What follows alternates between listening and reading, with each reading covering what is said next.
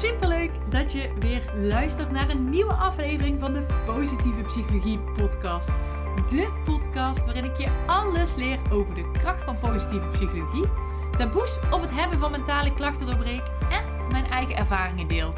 Ik help jou met het creëren van een positieve mindset, zodat je veerkrachtiger wordt en positiever in het leven staat. Ook in deze aflevering deel ik weer tips en inspiratie voor een positieve mindset. Zo leg jij de fundering voor een gelukkiger leven. Hoi, lieve lieve luisteraars. Welkom bij een nieuwe aflevering van de Positieve Psychologie podcast. Na bijna vier jaar podcasten werd het niet alleen tijd voor een nieuwe podcast cover, maar ook een nieuwe intro. En een goede vriend van mij die, uh, heeft die voor mij uh, gemaakt. Als in, ik heb het ingesproken, hij heeft uh, lekker een muziekje eronder gezet. En die was nou klaar, dus ik had helemaal meteen zin om een nieuwe podcastaflevering op te nemen. Zoals je weet, als je al langer luistert of nog niet, ben ik bezig met een, een post-HBO-studie positieve psychologie. Want ik wil namelijk mezelf heel graag echt positief psycholoog kunnen noemen. En uh, ik was van de week aan het studeren en ik las zoiets tofs. Dat wil ik graag met je delen. Dus uh, vandaar dat ik uh, deze aflevering voor jou opneem. het gaat namelijk over aangeleerd pessimisme. En ik vond dat een, een tof onderwerp. Het is een stukje wat Seligman heeft, ja, heeft beschreven. Seligman is samen met uh, Csikszentmihalyi. Correct me if I'm wrong. Het is een verschrikkelijke Tsjechische naam. Uh, nee, niet Tsjechisch, maar uh, Hongaars. Dat is een uh, Amerikaans-Hongaarse psycholoog en zij zijn samen de grondleggers van de positieve psychologie. Nou, dit onderzoek van, van Seligman gaat over aangeleerde hulpeloosheid of aangeleerd pessimisme. In het begin van zijn carrière werkte Seligman mee aan een laboratoriumonderzoek en daarin deed hij onderzoek naar het gedrag van dieren.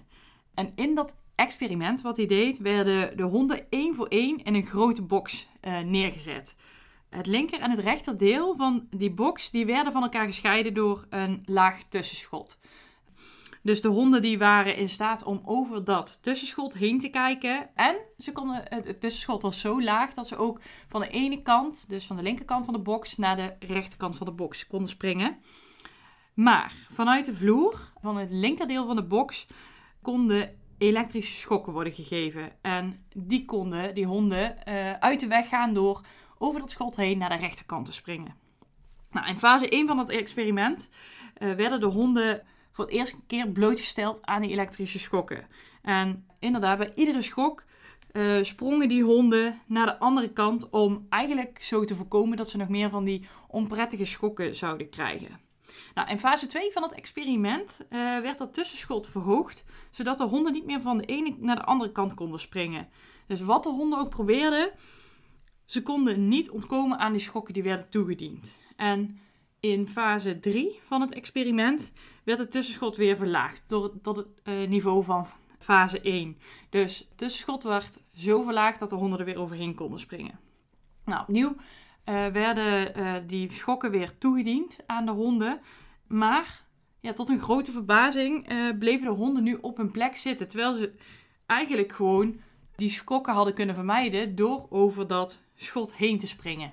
Het ondergaan van een schok die te vermijden is, dat noemde Seligman aangeleerde hulpeloosheid. Dus vluchten leek niet meer de natuurlijke reactie van de hond te zijn, terwijl dat aanvankelijk wel zo was. Hè? Dus voordat hij toen die hond nog in fase 1 zat, toen sprong hij er overheen. Maar nu, terwijl hij eigenlijk opnieuw de keuze kreeg, bleef hij zitten en, en ving die hond die schokken maar op. Terwijl hij eigenlijk wel de optie had om gewoon te vluchten. Nou, in fase 2 van het experiment had de hond namelijk geleerd dat die schok niet te ontkomen was. Dus dat hij toch wel kwam, omdat er geen, geen ruimte meer was om daarvan te vluchten. Dus de hond had inmiddels geleerd dat er eigenlijk gewoon geen weg meer was uit de situatie. En daarom in fase 3 accepteerde de hond maar dat die schokken maar gewoon kwamen. Nou, zoals aangeleerde hulpeloosheid kan optreden bij honden, kan het natuurlijk ook optreden bij mensen. Aangeleerde hulpeloosheid ontstaat in situaties waarin de mens eigenlijk geen uitweg meer ziet. Als je steeds maar weer ervaart dat je plannen of hetgeen wat je bedenkt, dat dat geen succes heeft. Als je steeds niet mag zeggen wat je, wat je denkt. Of als je regelmatig het idee krijgt dat wat je ook doet het er niet toe doet dan zul je uiteindelijk de overtuiging ontwikkelen dat er aan eigenlijk gewoon vervelende situaties, dat daar geen uitkomen aan is. Of geen ontkomen aan is. Dus je wordt daardoor passief en hulpeloos, omdat je het idee hebt dat je toch niks aan de situatie kan veranderen. Dus hè, dan krijg je de welbekende, joh, laat me zitten, want hè, ik krijg die schok of ik krijg die vervelende situatie toch wel toegediend. Nou, aangeleerde hulpeloosheid wordt gezien als een belangrijk verschijnsel bij psychische aandoeningen, zoals bijvoorbeeld depressies. Iemand die bijvoorbeeld depressief is, die heeft zichzelf ook vaak aangeleerd dat wat hij ook doet, dat hij zich gewoon naar blijft voelen. Dus hè, het maakt allemaal niet uit en het heeft allemaal geen zin. dus, dat kun je weer dan terug herleiden aan wat er met die hond gebeurt nadat hij alle drie de fases heeft doorstaan. Maar ja, oké, stel dat is gebeurd. Hè. Stel je luistert nu en je bent depressief. En ja, misschien denk je wel, ja, maar er is ook helemaal geen, geen weg uit, uit deze situatie. Hè. Misschien heb je jezelf daarvan overtuigd. Um, daarvoor heeft Seligman uiteindelijk de ABCDE-methode ontwikkeld. En die methode, die, daarmee kun je jezelf of ook anderen aanleren om optimistischer te zijn. Dus dan ga je van aangeleerd pessimisme, hè, dus jezelf ervan overtuigen dat het allemaal geen zin meer heeft, ga je naar jezelf ervan overtuigen dat het allemaal wel nog zin heeft. Nou, dat klinkt natuurlijk vet simpel. Zo makkelijk is het natuurlijk in de praktijk niet. Uh, maar laten we samen eens kijken naar dat eh, ABCDE-model. Of die methode. Nou, de A staat voor adversity. Dus dat is de gebeurtenis. Dus welke gebeurtenis heb je als tegenslag ervaren? En die gebeurtenis ga je eigenlijk voor je halen. Dus hè, uh, beschrijf voor jezelf dan wie wie was er aanwezig in die gebeurtenis? Wat gebeurde er? Wanneer? Waar was je op dat moment? En probeer dan voor jezelf zo feitelijk mogelijk te beschrijven wat er op het moment gebeurde. Nou, een voorbeeld daarbij is: ik heb gesolliciteerd voor een nieuwe baan, uh, maar ik ben per mail afgewezen door die organisatie. Nou, dan ga je verder naar de B, dus je beliefs, oftewel de overtuigingen die je hebt over die gebeurtenis. Stel jezelf dan de volgende vragen. Dus welke gedachten of overtuigingen heb je verbonden aan die gebeurtenis? Wat zei je tegen jezelf toen je bijvoorbeeld die mail kreeg van HR dat je niet was aangenomen? En wat ging er op dat moment door je heen? Bijvoorbeeld zou kun je zijn, van, ja, zie je wel, ik zal nooit een leuke baan vinden. Dit was al de zoveelste afwijzing. Ik, ik was zo slecht, ze wilden me niet eens uitnodigen op een gesprek. Ze hebben daar niet eens de moeite voor genomen. Ja, en ik begrijp dat ook wel. Um, de volgende vraag, of de volgende fase van het model, ga je dan door naar C. Dus de, de consequences, oftewel het Nederlandse consequenties. De, oftewel, oftewel, oftewel, oftewel, de uh, gevolgen van jouw overtuigingen. Dus wat was de impact van deze overtuigingen op je gevoel en gedrag? Dus uh, als we dan met het voorbeeld verder gaan van uh, die afgewezen sollicitatie. Hè, welke emoties voelde je op dat moment? Was je heel verdrietig of juist boos of juist heel angst, angstig? Je voelde je bijvoorbeeld heel hopeloos en teleurgesteld en het gaat nooit lukken. De moed die zakt je in de schoenen. En uh, ja, eigenlijk door die, door die afwijzing, of die zoveelste afwijzing, ja, denk je van nou, laat maar. Ik ga niet meer reageren op andere vacatures. Het heeft toch geen zin. Nou, dan ga je verder naar de, naar de D, dus de disputation. Dus je gaat dan eigenlijk je eigen overtuigingen, die ga je herzien. Dus is er een andere manier waarop je naar de gebeurtenis zou kunnen kijken? Dus een, voorbeeld daarbij zou kunnen zijn van, nou, dat ik niet ben uitgenodigd op het gesprek zou ook kunnen betekenen dat, uh, dat er misschien nog ergens, nou ja, dat zeg ik altijd tegen mezelf. Als je niet wordt uitgenodigd op een gesprek, dan, dan zal er nog wel iets beters zijn. Of dan is er nog een bedrijf wat beter bij mij past. Of ik word juist op de test of op de proef gesteld. Hè? Dat, dat ik nog beter uh, mijn best moet gaan doen.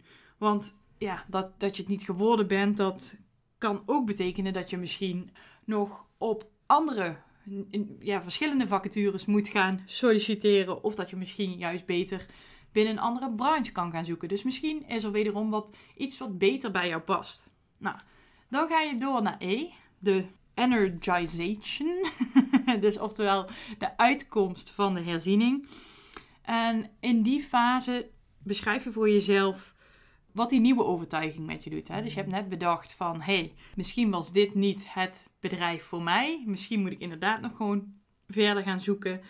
En bedenk jezelf eens hoe je je voelt als je die gedachte in zou zetten. En wat betekent dat voor je gedrag? Ga je dan iets anders doen? Komt er dan uiteindelijk een andere uitkomst? Zie je nu misschien mogelijkheden die je eerst nog niet zag? Uh, bijvoorbeeld, ja, het doet me heel goed eigenlijk om er op een andere manier tegenaan te kijken. Ik merk toch dat ik er minder sip eh, of verdrietig van word. Ehm, en dat ik eigenlijk toch weer energie krijg om te blijven zoeken. Er is ook iets van hoop in mij aangewakkerd. Van hé, hey, misschien gaat het me toch wel lukken. En het mooie van dit model is dat je van aangeleerd pessimisme of aangeleerde hulpeloosheid eigenlijk naar aangeleerd optimisme gaat. En wat, wat betekent nou dat, hè? een optimist zijn? Nou, als jij optimistisch in het leven staat, dan zie jij eigenlijk mogelijkheden in moeilijkheden. Hè? Dus als je hier wordt afgewezen voor die misschien wel super vette baan die je graag had willen hebben, dan opent het eigenlijk ook weer nieuwe mogelijkheden. Hè? Wat ik net al zei, van, hè, misschien is er een andere branche die beter bij je pakt, of misschien is er dan toch nog een vettere werkgever. Optimisten die zijn in staat om vervelende gebeurtenissen eigenlijk in een ander daglicht te plaatsen. En daardoor is het makkelijker om de beste versie van jezelf te worden. Maar goed, het vergt natuurlijk wel uh, ja, gewoon oefening, oefening, oefening. Want het is niet zo dat als je dit nu luistert en je bent uh, depressief of je zit niet lekker in je vel, dan is het niet zo dat, dat je deze stappen even doorloopt en dat je, daarna, dat je daarna meteen genezen bent van je depressie. Nee, dat zal echt wel oefening vereisen om jezelf telkens te challengen om zaken inderdaad in dat andere daglicht te zien. Om te kijken of je het ook positiever kan maken of dat je er toch iets, iets goeds uit kan halen voor jezelf dus kijk uh, voor jezelf welke deuren het eventueel opent. Dus ik ga de stappen nog even kort voor je herhalen. Dan kan je hier de eerstvolgende keer als je iets, iets moeilijks meemaakt, kan je hiermee oefenen. Dus het ABCDE-model of de ABCDE-methode. De A staat dus voor de adversity, de gebeurtenis. Hè? Dus wat is er feitelijk gebeurd? B, beliefs. Wat zijn jouw overtuigingen over die gebeurtenis? C, consequences, de gevolgen van die overtuigingen. Dus wat, wat is de impact van, van die overtuigingen op je gedrag? Wat doe je daardoor juist wel of juist niet? Uh, D, disputation, dus herziening van die overtuigingen. Klopt het eigenlijk wel dat, dat ik dat denk? Hè, of zou ik er op een andere manier tegenaan kunnen kijken? En E, energization, dus de uitkomst van de herziening. Ja, als jij die positieve uh, of die optimistische gedachten inzet, Kijk eens dan hoe je je dan voelt en wat voor invloed heeft het dan op je gedrag. Ja, dus anders, anders denken is ook anders doen.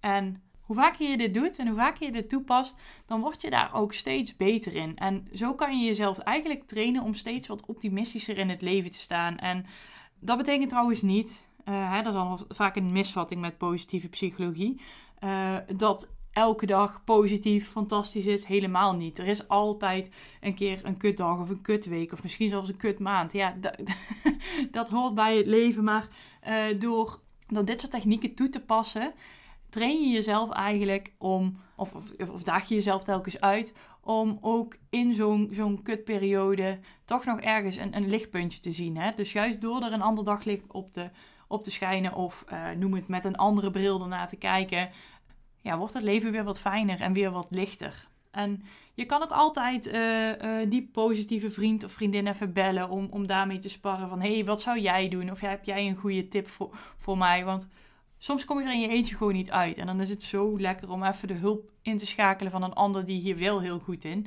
is. Dus uh, ja, vooral lekker oefenen zou ik zeggen. En heel erg bedankt weer voor het luisteren en tot de volgende keer. Wat tof dat je weer hebt geluisterd naar de Positieve Psychologie podcast.